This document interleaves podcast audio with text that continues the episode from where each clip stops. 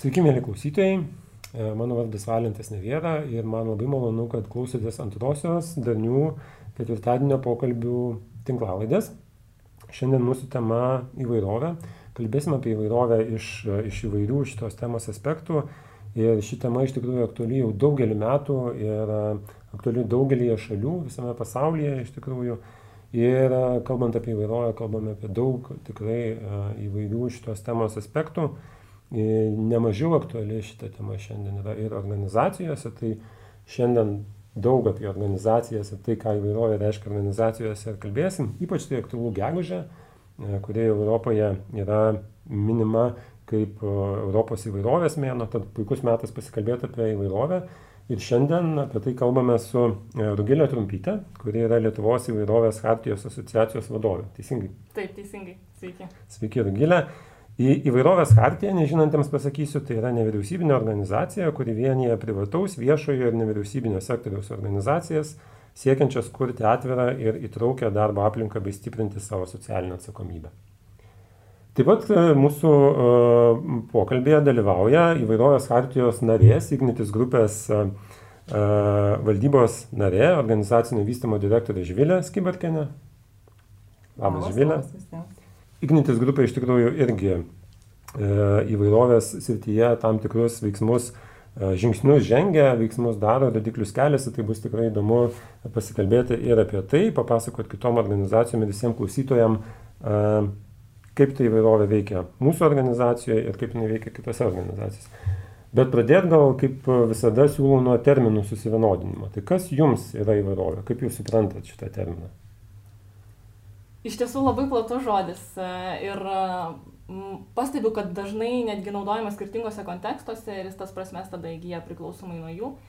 E, jeigu kalbėtumėm apie organizacijas, tai įvairovė, man regis, visų pirma yra žodis, kuris parodo, kokie mes esame, mes kaip žmonės, mes kaip darbuotojai, kolegos, e, pačios organizacijos ir institucijos. Nes mes esame visi labai įvairūs ir labai skirtingi ir tie mūsų skirtumai, e, kai kurie matosi akivaizdžiai, tiesiog jūs pažiūrėję į mane, e, matot, kad aš esu moteris, galite spėti, koks yra mano amžius, bet yra dalykų, kurių jūs nematote apie mane, kaip ir apie, apie bet kurios kitus žmonės, tai, pavyzdžiui, sveikata, e, tai gali būti seksualinė orientacija arba tapatybė, bet tai vis vien yra labai svarbi žmogaus dalis. Tai visi šitie skirtumai ir tie aspektai ir sudaro įvairovę. Tai gal sakyčiau, tiek, e, kaip, e, kaip aš suprantu. Mm. Žvilė? Man turbūt iš karto asociacija ir prisiminimai apie tai, apie mūsų diskusijas nuolatinės organizacijai. Nes mes turbūt nepraleidžiam nei vieno susitikimo, nesakydami, kad ne, ne, mes negalim čia kažkokio bendro dalyko sugalvoti, bendrų mm. vertybių išsivesti, nes mes tokie jau skirtingi, tokie įvairūs esam.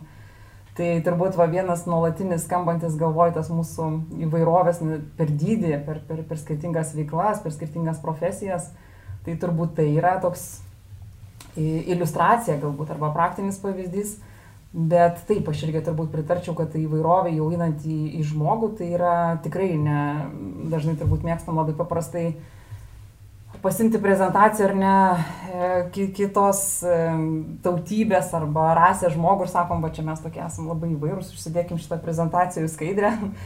Tai iš tiesų įvairovė yra ir apie mąstymo įvairumą turbūt ir apie, apie kitokius požiūrius. Ir man turbūt labai patinka požiūris, kad ta įvairovė tai nėra, kad aš e, esu galbūt kitoks, bet prisitaikau, ar ne? Tai man tai nėra prisitaikymas, bet tiesiog komfortiškai jautimasis to kitokiu ir, ir vat, buvimas to įvairių ir iškis abipusė, visapusė pagarba ir supratimas vienas kito. Tai, Tai turbūt tokios dvi dimensijos, tai ką mes šnekamės grupiai ir kokie esam labai skirtingi, net negalim susitarti. Ir, ir tas vat, mąstymo skirtingumas ir tai, yra, ir tai yra įvairovė, ir tai yra turbūt irgi ta įdomioji vieta e, apie, apie žmogų.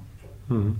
Pati įvairovė, kaip toks terminas arba kaip diskusijų objektas, jisai, e, matyt, aktualus jau daugybę, daugybę metų iš tikrųjų, net įvairių judėjimų yra vykę ten nuo, nuo rasinių tam tikrų ar ne judėjimų, lygių galimybių LGBT asmenims ir panašiai. Na, sėkimo, kaip vertinat Lietuvos kontekstą, būtent Lietuvoje ir gilę tą lygių galimybių įvairovės kontekstą, kur mes esam. Žinau, lygių galimybių kontrolieriaus tarnyba nesenai skelbė, kad na, pagal lygias galimybės Lietuva lygiai yra aštuntoji vietoje pasaulyje. vertinant, bet, na taip, grįžtant į žemę, į kasdienybę, į organizacijas, kaip iš tikrųjų Lietuva atrodo. Sakyčiau, kad mes einam gerą linkmę ir kad iš tikrųjų pokyčiai matosi ir tie pokyčiai yra į teigiamą pusę. Kai Vadživilė pasakė apie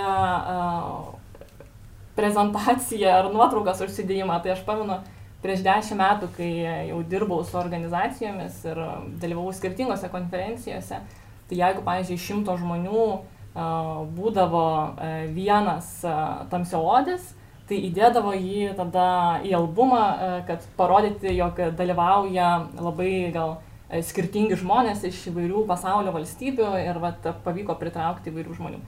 Tai sakyčiau, čia buvo tokie pirmieji žingsniai, bet e, jau tada kažkiek organizacijos pradėjo girdėti, e, kad yra toks dalykas kaip įvairovė, e, kad reikėtų siekti įvairovės ir įtraukties.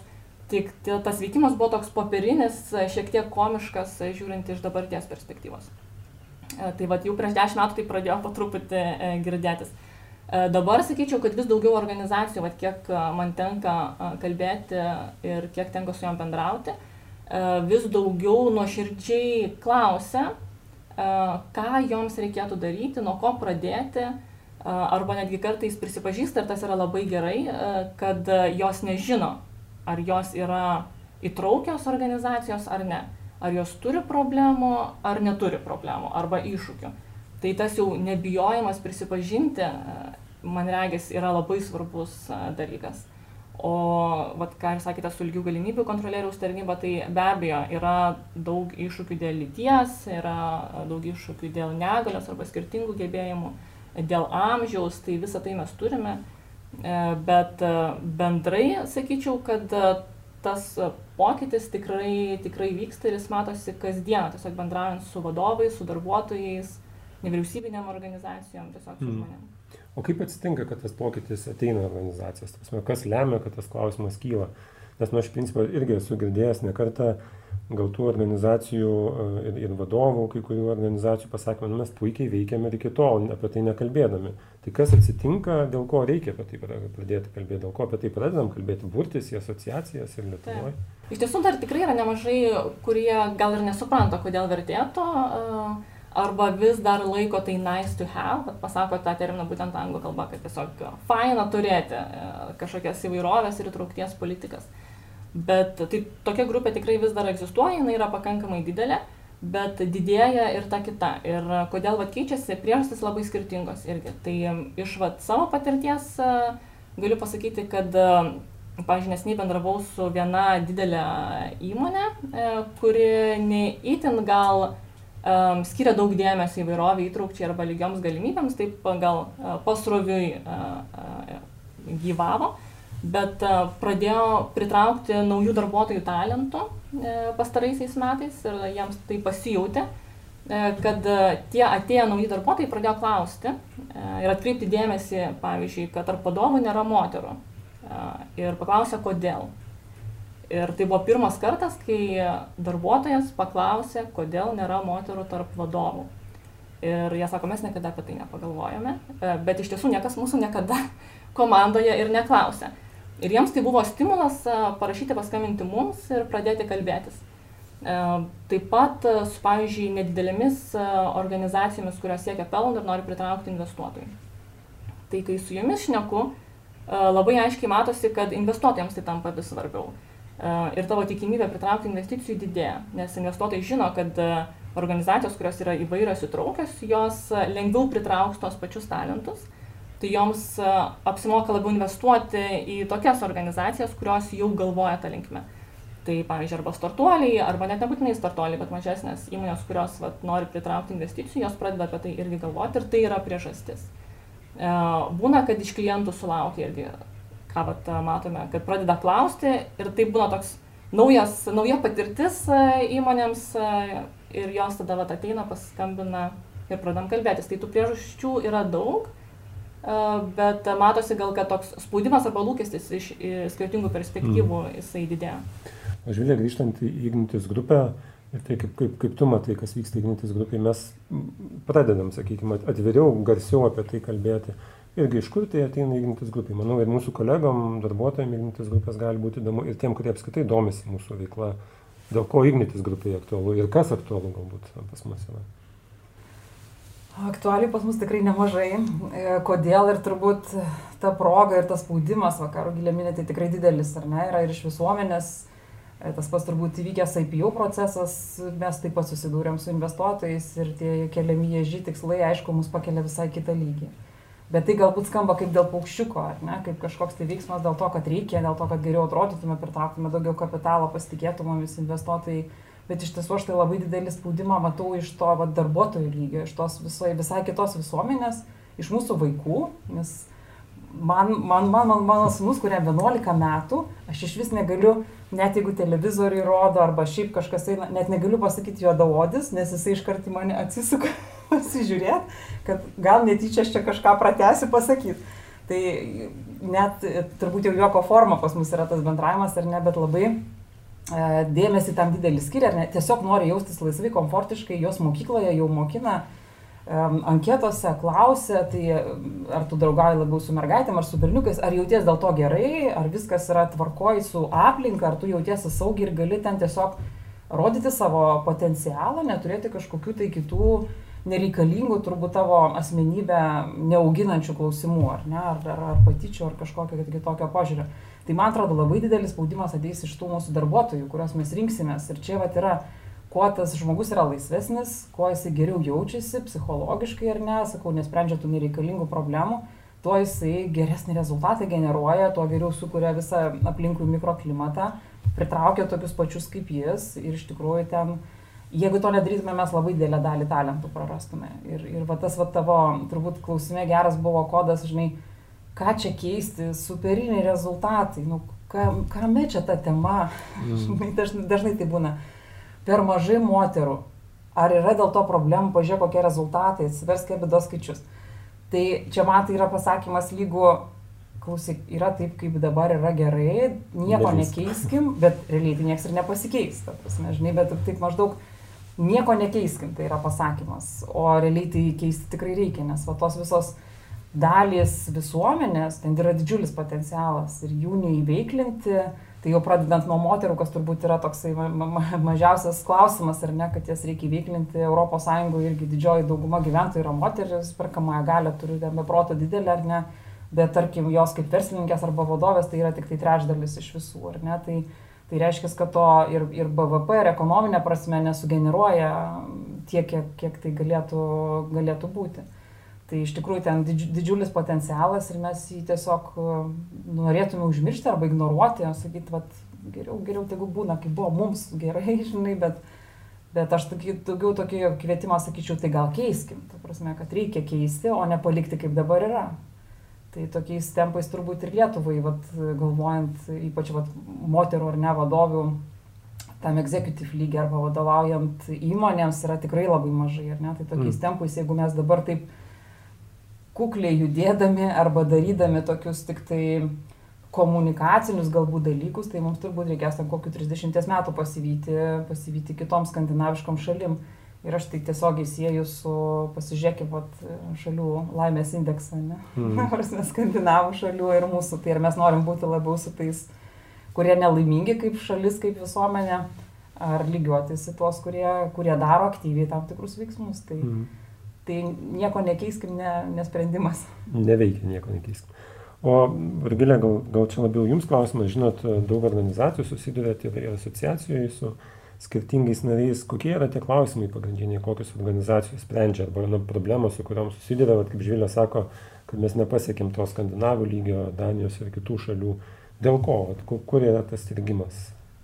Pirmiausia, gal kas taip jungia visas organizacijas, tai matosi, kad siekiama suprasti, kur tu dabar esi. Nes jeigu vat, turi, kad ir skirtingai įvairių kolektyvą, arba net jeigu moterų, jeigu kalbėtume apie moteris, moterų padidėja vadovybėje, valdybose, ar tai jau yra pergalė? Gal tos moteris blogai jaučiasi dirbdamos tą darbą, gal aplinka yra toksiška, gal yra daug seksistinių jokelių. Tai tiesiog, kad vien tas faktas, kad kolektyvas kažkaip kiekybiškai tampa įvairus, man regis, neparodo, kad mes jau galime džiaugtis rezultatu. E, klausimas, kaip žmonės jaučiasi darbo vietoje. Jie be abejo dirba dabar tą darbą, klausimas, kiek jie laiko dirbs, jeigu jie jaučiasi blogai. E, tai organizacijos tikrai vat, pradeda norėti suprasti, kur yra jų silpnieji gal tie tokie taškai ir kur yra jų stiprybės. Mhm. E, tai šitas labai matosi. Ir atitinkamai jau vieni yra pradėję tos įsivertinimus, kiti ne, bet sakyčiau, tai yra pirmas žingsnis. E, jau grininasi, su kuriomis gal kartais netgi grupėmis e, labiau reikia dirbti. Vieni pamato, kad jų kolektyvai labai jauni ir tai reiškia, kad tu neišnaudoji E, brandaus amžiaus e, potencialo, kur yra profesionalai dirbantis, bet kažkodėl tu jų nepritrauki. Kodėl tu jų nepritrauki? Tai pradeda kelti šitą klausimą ir labai pat e, išsiskiria brandaus amžiaus darbuotojai ir talentai. Taip pat vis labiau skiriama dėmesio žmonėms su skirtingais gebėjimais ir, arba negale, nes tai irgi neparodo, kad žmogus nesugeba kažko daryti. Jis gali būti profesionalas tam tikroje srityje, bet turėti E, pavyzdžiui, judėjimo arba kitą negalę. E, ir jis gali būti puikus darbuotojas, bet kažkodėl vat nepritraukia. E, ir yra lyties aspektas. Tai sakyčiau, gal tokie trys, trys pagrindiniai. Bet vis labiau taip pat matosi ir, LGBT bendruomenės toksai fokusas į ją, nes tikrai didelė tikimybė, kad yra ir LGBT bendruomenės narių kolektyve, E, nebūtinai kolegos žino, e, bet kaip, kaip šie kolegos jaučiasi, kaip bendrai atmosfera gal mieste arba valstybėje vis dar yra nepalanki arba homofobiška ir kartais yra baimės jausmas, įtampa vidinė. Tai šiai, šiai asmenų grupiai irgi va, daugia labai dėmesio. Bet aš tokius du aspektus iš to, ką sakė dabar, pakabinau. Tai vienas aspektas kažkaip irgi prisiminiau, uh, kokia anksčiau mintis buvo kilusi, kad tas įvairovės e, klausimas, problema, nežinau kaip tai vardinti, dažnai kažkaip organizacijose jisai užsilieka ties atrankom. Nu, atrankų etape. Na, mes didinam įvairovę per atrankas, kad pritrauktumėm daugiau žmonių. Tai pirmas klausimas gal yra apie tai, e, ar tikrai tai yra tik tai atrankų klausimas, ar tai yra kažkur daug nu, kituose lygiuose, kituose procesuose organizacijų, čia būtų labai įdomi abiejų jūsų nuomonė. Ir kitas aspektas, kurį kažkaip irgi dabar pagalvojau, labai organizacijoms tikrai reik, tikriausiai reikia daug drąsos, e, kad šitais klausimais e, pradėtų kalbėti ir turime ypač jeigu liečiant LGBT asmenys, nematom, kas vyksta šiuo metu visuomeniai svarstant partnerystės įstatymus ir panašiai. Tai aš tikiu, kad kiekvienoje organizacijoje tas klausimas irgi gali būti sutinkamas skirtingai, nes žmonės dirba įvairios juose. Tai iš kur tos drąsos atsiranda organizacijose irgi, ir kaip jos surasti galbūt. Tai nežinau, nuo kurio klausimo pradedam. Galim nuo abiejų iš karto, kaip mm. nors e, sujungiant. Kad yra nedrasos arba baimės, tikrai taip, bet man regis organizacijos e, ir turi parodyti lyderystę. Tai e, keičiant kryptį arba pasiūlant keisti kryptį. Ir man regis kitais metais jau kalbėtumėm apie LGBT bendruomenę, nes paskutinis buvo sakinys, kurį paminėjau. Mm Tai kitais metais vyks Pride'as ir man regis tai bus geras testas e, verslui irgi, e, ar jungsis. E, nes jau praeitą kartą buvo organizacijų įmonių, kurios jungiasi. LGBT bendruomenė arba kai kuriems klientams, kiek vėliau teko kalbėti, buvo tikrai labai labai svarbu pamatyti, kad šita darbovietė prisijungia. Vėliau, iš tikrųjų šiemet turėjau kelias tokias sesijas su darbuotojais E, vieni dirba, o kiti dar nedirba. Tai jie klausia, pavyzdžiui, e, kas priklauso Hartijai, kurios organizacijos ir kurios įmonės priklauso Hartijai, kur yra sąrašas, e, nes jie pirmiausia norėtų savo CV siūsti šitoms organizacijoms. Nes jos tai išreiškia. Taip, nes jos išreiškia palaikymą ir tu žinai, kad yra didesnė tikimybė, kad tau nereikės slėpti arba tu nesijausi blogai, nebus gėda, nu, nebus tų vidinių kažkokių mm. nemalonių jausmų nes tai yra organizacijos, kurios deklaruoja, kad jos yra atviros arba jos siekia tokiamis tapti. Tai išėjimas, pavyzdžiui, dalyvavimas Pride yra tas pats. Tu tiesiog pasakai, kad ateikite, tu gali pas mus dirbti ir dirbkime kartu, tau nereikia bijoti to, koks tu esi. O dalyvavimas to, toks, nu, tokia maža, maža dalis. Tai aš sakyčiau, kad labai labai svarbu kartais yra tiesiog parodyti ir gal rasti tos drąsos, jeigu jau e, organizacija deklaruoja, kad jinai nori e, būti atvira, nežinau, netgi sakyčiau, šio laikiška organizacija, tai padarius vieną reikia padaryti kitą, gal kažkaip susikaupti ir tos drąsos, ir tos drąsos rasti. Turbūt sutikčiau, kad ir tada atsiranda geras pavyzdys, turbūt. Ir yra tas lyderiai ar ne lyderius kopijuoja, tada visi atkreipė dėmesį ir banko turbūt turėjom pernai metais ir, ir, ir, ir vadovės ir pasisakymus ir didžiavosi tuo, ar ne, kad jie to, tose eisenose dalyvavo. Ir turbūt tai toks irgi geras proveržis, kur visi kiti galvoja, gal tikrai visai, visai ok. Ir ta prasme, net gal nekyla mintis tokia, man atrodo, čia labai, labai geras tas komunikacinis elementas. Tiesiog, tiesiog mes iš tikrųjų net nesugebam pagalvoti apie kai kurios aspektus, nesam susidūrę. Čia tas pas turbūt kaip pat pavyzdys, žinai, ir mūsų uh, organizacija, sakom, taip, mes e, neįgalius ir įdarbinti galim ir esam draugiški jam, bet tikrai ne. Ir pirmą kartą, kai tokį žmogų turi, tada tu supranti, kiek, kiek visko yra neparuošta. Nuo to, kad mes nelabai kartais žinom ir kaip bendrauti, kaip šnekėti arba kaip kviesti į sustikimus, gali, negali, ar fiziškai ateiti, ar geriau, ar ne. Ir to, nuo, nuo va, tokių dalykų, apie kuriuos reikia pasišnekėti, iki jau tų techninių, fizinių dalykų, ar ne įrenginėjom liftą iš vieno aukšto į kitą, nes tiesiog, tiesiog jo nėra, arba, arba pantasus įrenginėjom, tai atsirado pirmą kartą toks atvejis, tai man, ta prasme, tai, tai jau yra turbūt signalas, kad mes niekaip nesam pasiruošę netokiem elementariam dalykui, kad susirgt gali ir, ir dirbantis žmogus, ar ne. Tai, tai vat, man atrodo, vieni, vieni kitiems rodyti pavyzdžius, juos tikrai komunikuoti gerai ir, ir tai tai veikia. Ir tas, ta prasme, tikrai, tikrai spaudimas vienas kitų, turbūt gerąją prasme, čia ta pozityviaja prasme, vieni kitus palaikom, pa, pa, parodom, kokie esam ir tada visi tik, tikrai gali sekti iš paskos. Dėl atrankų turbūt geras irgi buvo, buvo tavo susimastymui klausimas. Uh, tikrai ten daug visko užstringa. ir, mm. ir tikrai ten yra tas toks filtras ir susiaurėjimas to viso piltuvėlio, kur kartais net sunku identifikuoti pačią problemą, nes turbūt yra tų tokių nesąmoningų nuostatų ir tikrai daug yra mm, straipsnių ir analizių, kad net dirbtinis intelektas, ar ne, kurie mėgdžioja žmogaus mąstymą ir mokosi iš jo tam tikrų veiksmų arba galvojimo sekos arba sprendimo prieimimo sekos, jie lygiai taip pat turi nuostatas ir jeigu yra du kandidatai, renkasi vyrą, pavyzdys ar ne vyrą, dėl to, kad greičiausiai jis neišeis į dekretinės atostogas pagal įstatymus ir ne, nes nedaug tų atostogų gali gauti.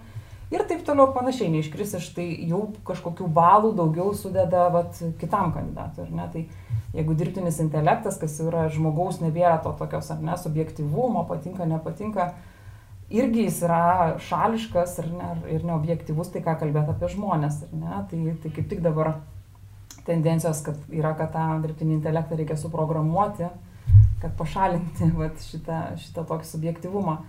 Tai iš tiesų turbūt ten yra ta vieta, kurią reikia analizuoti stipriau ir dirbti su tom atrankom. Ne, nesakau, kad ten viskas užstringa ir tai yra tik tai vienintelė priežastis, bet ten tiesiog tą piltuvėlę turbūt atlaisvinti, galvoti, kaip ten tą problemą išspręsti, nes manau, kad viena, viena iš tų yra tikrai vieta ten, mm. kur ta, tam tam, tam to, žinai, vamzdyje, kuris kažkodėl va, susiaurėja ir, ir, ir, ir dažnai dėl nuostatų, dėl tų, kurios yra pasąmonė ir, ir tikrai nesąmoningos. Nu, tai prisiminiau tą terminą angliškai, unconscious bias, na, nesuvoktas šališkumas iš esmės. Mes dažnai galbūt nesam ten na, tokie diskriminuojantis ir panašiai, tiesiog tai atsitinka vien dėl to, kad nepagalvojame apie kažkokios dalykus. Ne?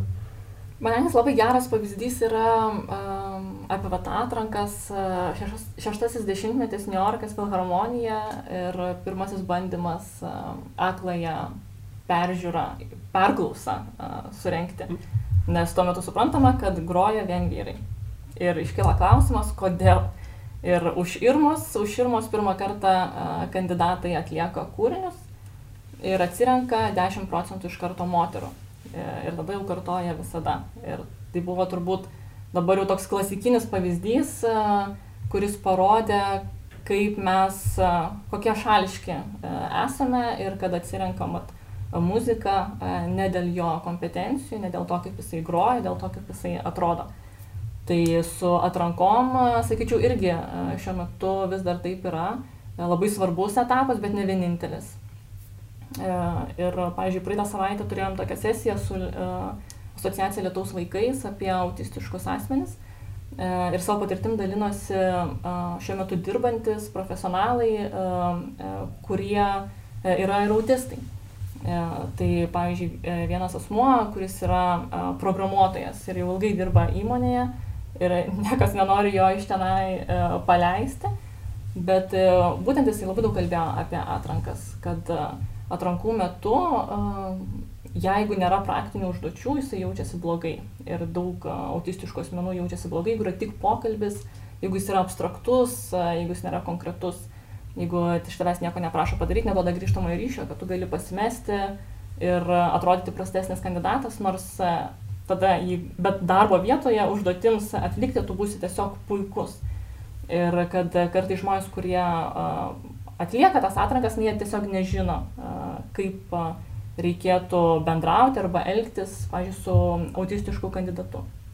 Ir jeigu jisai jau priimamas į darbą, kad yra daugybė dalykų, vat, kurie gali blaškyti ir žmogus nebenorės dirbti, kad šviesos labai blaško, kad ventiliatorius, kuris sukasi, kad mums gali tiesiog būti jokio skirtumo, tiesiog šiek tiek burzgia kažkas tai užė, bet mums besu, bet žmogus negalės visiškai susikoncentruoti.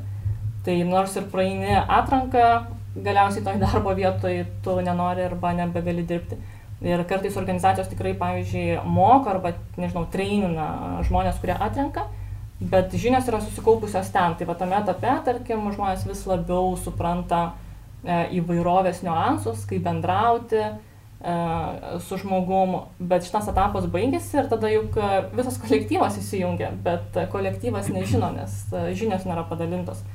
Tai sakyčiau labai vat, koncentruoti tik tai tą į čia, žmogiškuosius išteklius, bet vėliau vadovų, kolegų, kitų komandų neapmokyti, nesikalbėti, tai dažniausiai būna klaida, e, nes e, tas, tas pasamdytas žmogus netampa sėkmės istorija. Tada. Hmm. Aš šiandien dar irgi tokį pavyzdžiui pasidalinsiu, nepaslaptis matyti apie tą pačią ignitis grupę. Šiaip nusišypsojau, tiesą pasakius, net, net pats apie tai nepagalvojau, kai mes vyksta uh, praktikantų atrankų etapas iš esmės dabar čia pas mus du kartus per metus. Ne? Ir e, viešoje erdvėje irgi pastebėjau komentarą, kad štai Ignitis grupė e, praktikai kviečia tik studentus.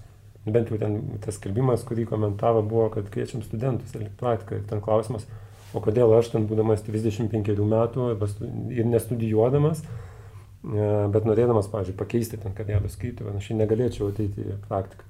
Ir tai galvoju, nu iš tikrųjų, Galbūt ten, kiek žinau, yra kažkokių įstatyminių niuansų iš tikrųjų, kad praktikantai ten kažkokio amžiaus, jeigu gerai, gerai žinau, bet, bet va taip atveria akis, tiesiog pagalvoju, nu, net nepagalvoju, nu kažkaip nesąmoningai praktikantas atrodo jaunas žmogus, bet iš tikrųjų matyti tai įvairovė žymiai platesnė. Bet uh, perinant prie kitos šiek tiek temos ir apie ką, apie ką girdžiu, dar tiesiog ir apie ką galvoju, tikrųjų, kad įvairovė, bent jau Lietuvoje, kiek pastebim, drąsiai kalba apie tai, na, apie LGBT ir kitus visus aspektus, daugiausiai vis dėlto tai yra arba tarptautinio kapitalo, arba didelės kažkokios bendrovės, kurios nu, yra stabilios ir, ir, ir gali sauliaisti drąsiai kalbėti.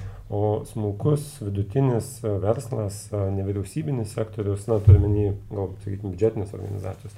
Kaip ten, kokia ten situacija, kaip matot, ką ten galima daryti? Tai dažniausiai vat, pokyčiai ateina pirmiausia nuo tarptautinių organizacijų.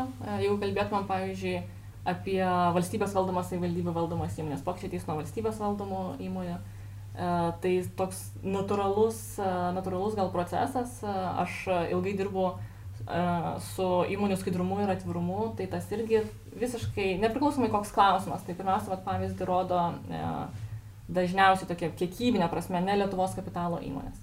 Bet tas irgi keičiasi, nes vis daugiau mažesnių ir Lietuvos kapitalo įmonių E, jos mato pavyzdį, jos girdi, kas yra šnekama ir jos po truputį irgi ateina. Tai e, ir mes turime e, savo asociacijoje įmonių, kurios yra mažos arba vidutinės, kurios nėra tarptautinės, bet yra šeimos verslai, pavyzdžiui. Tai tikrai nu, tas pokytis irgi matosi, bet tiesiog netokia apimtimi. Tai sakyčiau, toksai gal laiko klausimas, kada tai labiau išplis. E, bet e, kad iš principo būtų kitokia organizacija arba nenorėtų keistis, tai gal ne. Bet pirmiausia, toną motininės įmonės, ypač Skandinavijos šalių, užduoda. Ir kai jeigu jau įsisteigia įmonė Lietuvoje, jei visos tos politikos vertybės yra nuleidžiamos iš viršaus, bet tuo pačiu kartais atrodo, kad viskas yra, bet kaip yra pačioj viduje, neaišku. Arba nebūtinai tai parodo, kad tai yra, nežinau, atvira, įtrauki organizacija, net jeigu jinai tokia turėtų būti pagal motininės įmonės politikas. Gerai, klauso mūsų dabar organizacijos ir galvoju, na, tema svarbi, suprantam, aktualu, tai nuo ko pradėti? Nuo ko pradeda Ignitus grupė, nuo ko kitos organizacijos pradeda, koks tas būtų pirmasis žingsnis, ką rekomenduotumėte? Šiaip, aišku, gerosios praktikos irgi labai įdomu, mes žengiam pirmosius žingsnius, bet aišku, kad pradedam nuo tos diagnozės arba nuo to identifikavimo, audito galim vadinti, ar ne, pasižiūrėjimo, tai ką mes turime ar, ir kur tos raudoniausios vietos. Tai akivaizdu, energetika vyrų, vyrų sritis, ar ne, net nėra kito, kito mąstymo ar matymo. Kažkada dar irgi buvo energetikas versus vadybininkas, ar ne, tokio daug supriešinimo. Tai, nepaslaptis, mes turim, ir šiaip man labai pačiai įdomu karjerą eiti per tokias labai skirtingas organizacijas šitoje šitoj vietoje, nes dirbau bankė praktiškai visą savo gyvenimo bankuose, tai ten buvo 70 procentų moterų santykis ar ne 30 vyrų. Čia visiškai aukštinkojom, lygiai, lygiai. Ir koks jausmas? Tiek beveik procentų. Iš tikrųjų, aš tą pasakysiu, labai geras klausimas. Kadangi ir bankuose dirbau vadovų lygyje tai buvau viena, dvi tarp vyrų, mhm. tarp gražiai pasipošusių ar ne baltais marškiniais kaklaraišiais panašaus amžiaus e, vyrų, tiek čia tas pats. Tai yra, nu, tikrai piramidė kitaip stovi, ar ne, darbuotojų, darbuotojų atžvilgių, tai tiek, tiek bankė, tiek čia yra panaši situacija, kuo lipi, kuo lipi aukščiau. Bet, bet čia taip mes tos norim, norim vis dėlto paneigti tą mitą, kad energetika yra tik tai vyrams. Tai yra tikrai ne, nebe fizinis darbas, nešnekam apie darbininkų um, ar net profesiją arba lygį. Tai yra ir inovacijos, ir programuotojai, virš 200 turim IT žmonių, tai yra didžiulė, didžiulė kiekiai intelektinės veiklos, kuri, kuri tikrai nebesiskirsto lytimis. Tai va čia mes, aišku, startuojam nuo savo, savo tų skaudulių ir matom tas komandas ir lygiai taip pat vat, turėjom diskusiją, pokalbis apie Harvard Business Review tyrimą ar ne apie lyderės moteris, kad pandemijos metu jiems geriau sekasi ir pasinagrinėjom savo, savo rezultatus ir savo duomenis, ar ne, jeigu pasižiūrėjom, vadovauja moteris padaliniams ir vyrai, kokia ten ar yra atskirtis ar ne, aišku, ten yra niuansų, nes, aišku, darbininkų, pavyzdžiui, e, komandoms vyrai dažniausiai vadovauja, o jie visada būna nusiteikę ir NPS klausime pažymį žemesnį rašo, ar ne? Tai yra tų niuansų, kur gali tą statistiką peikti, bet realiai apie 18 procentinių punktų moterų rezultatai yra geresni ir pas mus. Tai ką? Kodėl mes tokių pjūvių net nepjaustom, nežiūrim ir, ir, ir nekalbam apie tai, negalvojam, tai gal čia ir yra tas mūsų auksinis raktas, kuris dar pagreitins visus pokyčius, ar ne, ypač pandemijos metu uh, tą pačią empatiją didins, bet kas, kas džiugu, pandemijos pabaigoje labai labai sumažėjo tas atotrukis, gal 8 punktais, tai reiškia, kad visiškai nereikia nei moteriškų, nei vyriškų savybių ar ten kompetencijų skirtingų turėti, tiesiog vyrai supranta ir pakeičia ne, tą požiūrį, jeigu reikia komunikuoti, jeigu reikia sutelkti komandą, jeigu reikia demonstruoti supratimą, įsiklausimą, daugiau laiko skirti e, darbuotojui ir, ir santykiams su juo ar ne, negu tai buvo anksčiau, kada konkuruojam, bėgam, darom, ir ta visas karantininis spaudimas ne, nežlugdė žmonių, ar ne, tai, tai persiorientavo labai greitai, ne, mato, kas veikia, reikia įjungti šitą kompetencijų paketą ir jį įjungi. Tai aš noriu va, taip, taip nesupriešinant sakyti, kad, kad, kad, kad nu, realiai nėra, nėra tai nei tų lyderystės vyriškų, nei moteriškų savybių, bet, bet reikia jas tinkamai įjungti ir suprasti tą kontekstą. Tai konteksto supratimas turbūt, turbūt svarbiausia vieta. Tai mes iš tikrųjų įsivedėm uh, kaip sakau, tas turbūt bazinės ir pradinius tos e, rodiklius arba tikslus, tai tikrai norim, norim tą procentą keisti, didinti, balansą gerinti. Tikrai nesakau, kad e, ir labai mėgstu pabrėžti, kad mes nepasirašėm, kad 5 procentais padidinsim moterų vadovų skaičių. Kažkokios kvotos nėra. Ne? kvotos nėra.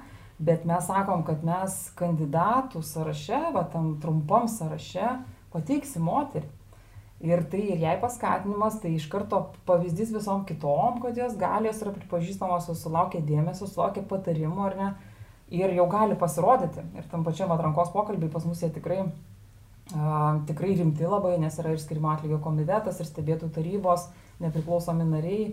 A, tai, tai, tai rimti procesai, kuriuose tu tiesiog gali atsiskleisti ir jeigu vis dėlto tie kandidatai yra lygiai verčiai, tai mes jau rekomenduojam a, savo va, tikslais arba, arba politika, kad rinktis tą kandidatą, kurio, kurio ta lytis atstovavimo yra mažiau.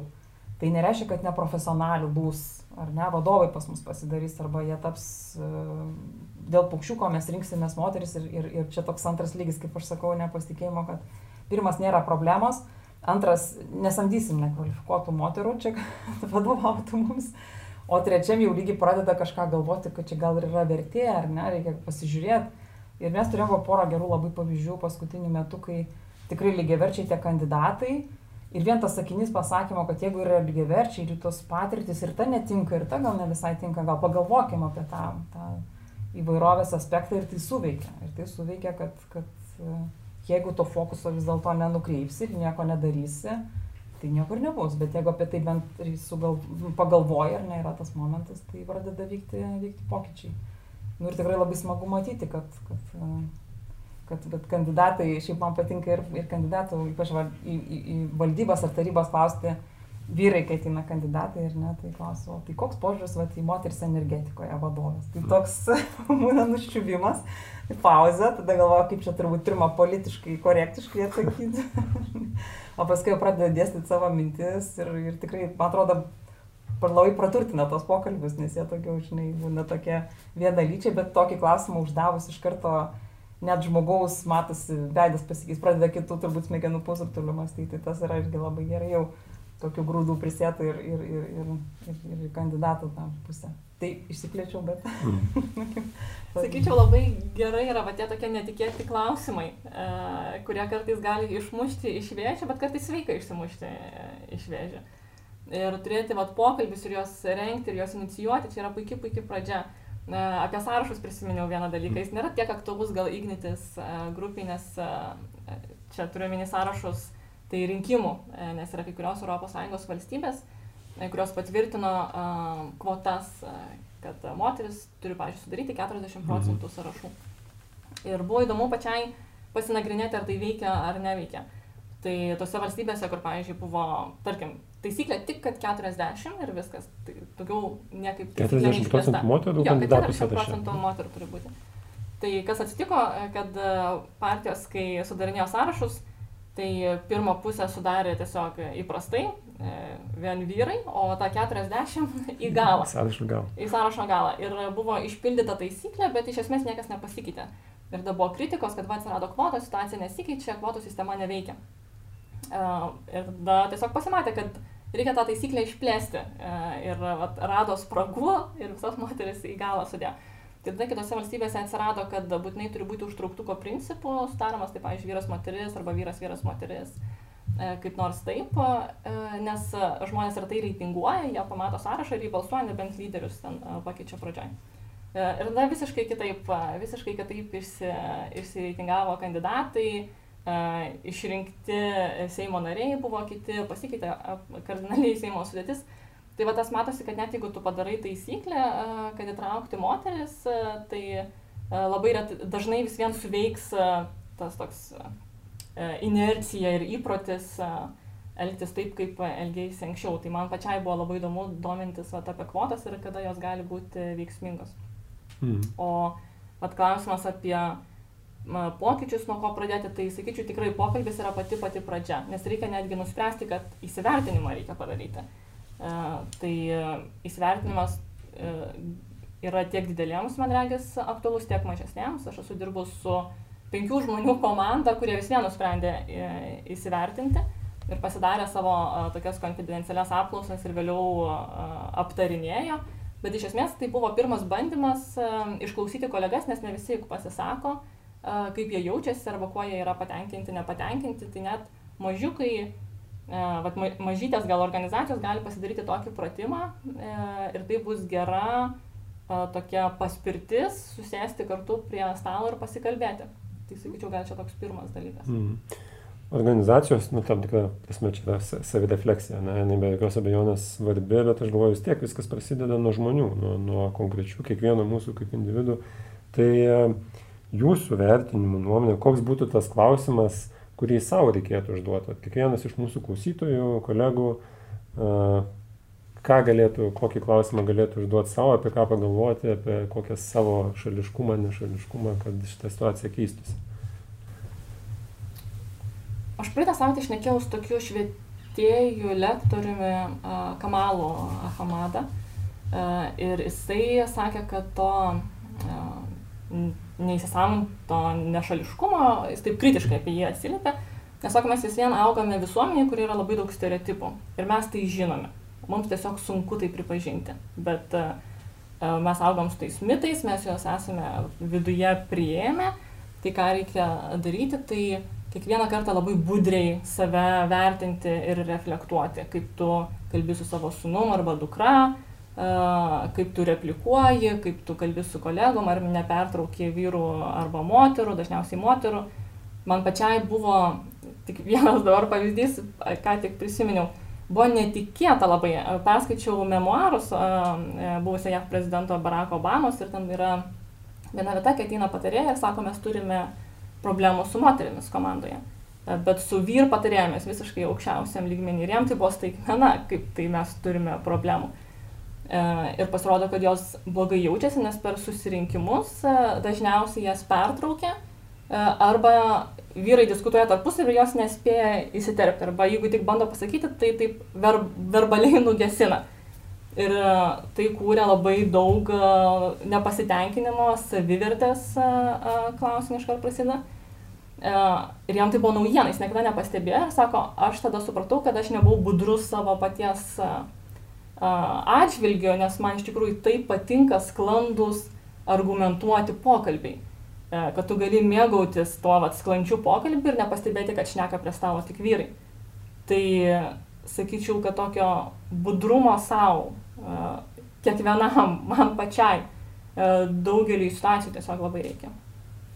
Mhm. Aš labai kažkaip panašiai galvojau, bet labiau galvojau apie tą vat, na, naminį kampą, ar ne, kad Pradėt, pradėt nuo tos, vat, nu, kaip ta visuomenė keičiasi, vat, visi tie nuostatos arba stereotipai, jie, jie atsiranda iš, iš namų, ar ne, iš šeimos, iš, iš, iš savo tėvų.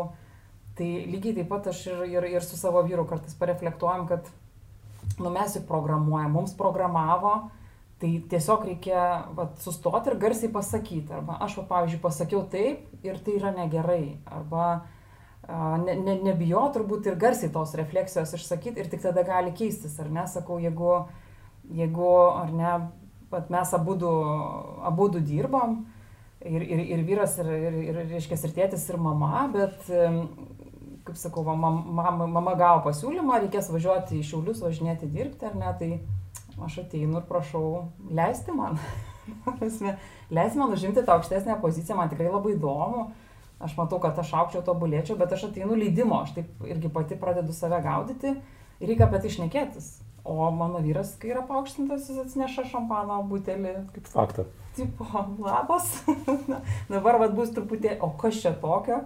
Ta prasme, tugi, tugi įtraukta į tai mano karjerą, bet aš, ta prasme, gal nesutinku, nes viskas keičiasi, iš esmės viskas keičiasi. Tai, ir tėvam tą patį priminti ir sustabdyti, aš manau, ir vaikam, ir aš matau, kad jau ir vaikai mus vat, sustabdo, tai ta tokia refleksija ta visuomenė keičia, kai yra kažkoks pasiprogramavimas bendras, bendra, bendra diskusija, galbūt gali nesutarti, nesutikti, bet, bet man atrodo, čia labai svarbu toje vietoje toj vietoj sustoti ir panalizuoti, o kodėl aš, ar ne, visą laiką tos indus turiu plaut pavyzdys, ar ne, bet du sūnus ir, ir vyras, nu gal pasidalinkim, gal kažkokia gali būti kita tvarka, ar kitokia esu kažkokia, kad tą, tą turi daryti, ar ne. Tai lygiai taip pat sakau, žinokit, ten tą paveikslą pasikabinti, meistrą išsigės man ne problema, aš tikrai gal pati ir neteisingai ten išgręžčiau, bet ne problema tikrai. Ir, ne, ir ne, nejauskit spaudimo, kad reikia kažką tai daryti dėl to, kad, nežinau, ar daugiau jėgos turi, ar kvalifikacijos, ar turi mokėti, tai, tai neturi to mokėti Tai va turbūt ta tokia, nu, reflektavimas nuo vaikų ir su savo tėvais ir tai, man atrodo, prasideda viskas iš, iš šeimų, kaip mes suprogramuojam visas tas rolės ir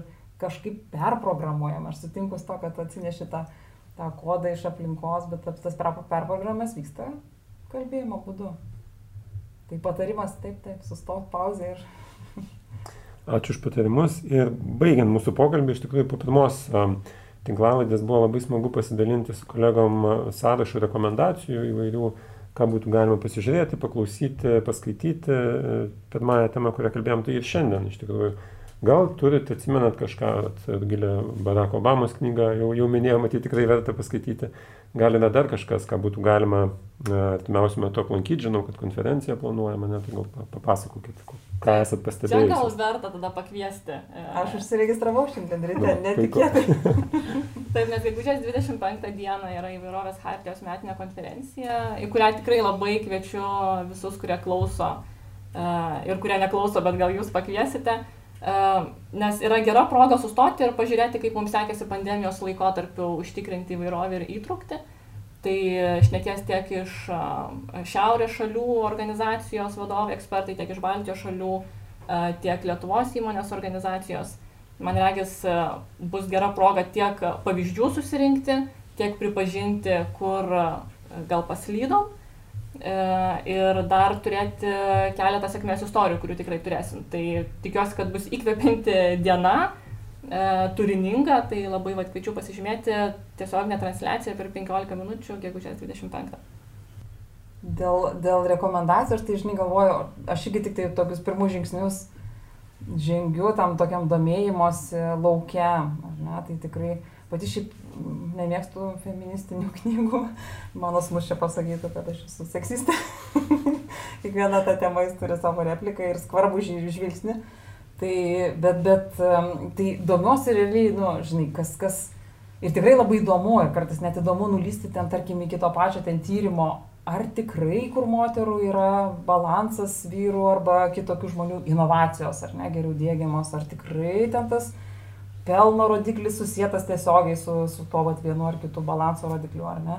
Tai va taip įdomu palysti, tai aš tokį turiu tą domėjimosi stilių, kai taip eini gilin, gilin, gilin ir tada kažkas užsikabina. Tai štai visiems turbūt nuo tokio lengvo turinio patarčiau, ką ir, ką ir pati kažkada pradėjau detoksų žiūrėti, ar ne, va tokios, kai yra trumpos kalbos, vaikštant su šunimi laukia. Ir tada susižadina va, tas įdomumas, kad, o kaip ten iš tikrųjų dar giliau, kaip ten dar tas aspektas. Man atrodo, nu, bent jau mano čia ta technika, kur tada auga tas medis ir, ir, ir, ir tai aš nuo tokių dar smulkių to mikro mokymosi pradedu.